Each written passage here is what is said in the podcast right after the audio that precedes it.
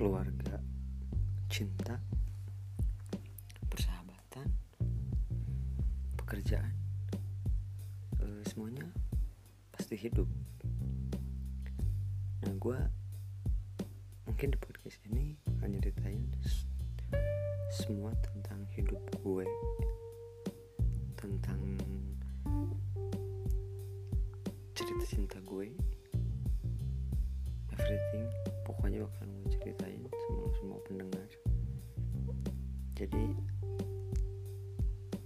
buat tentang hidup ini.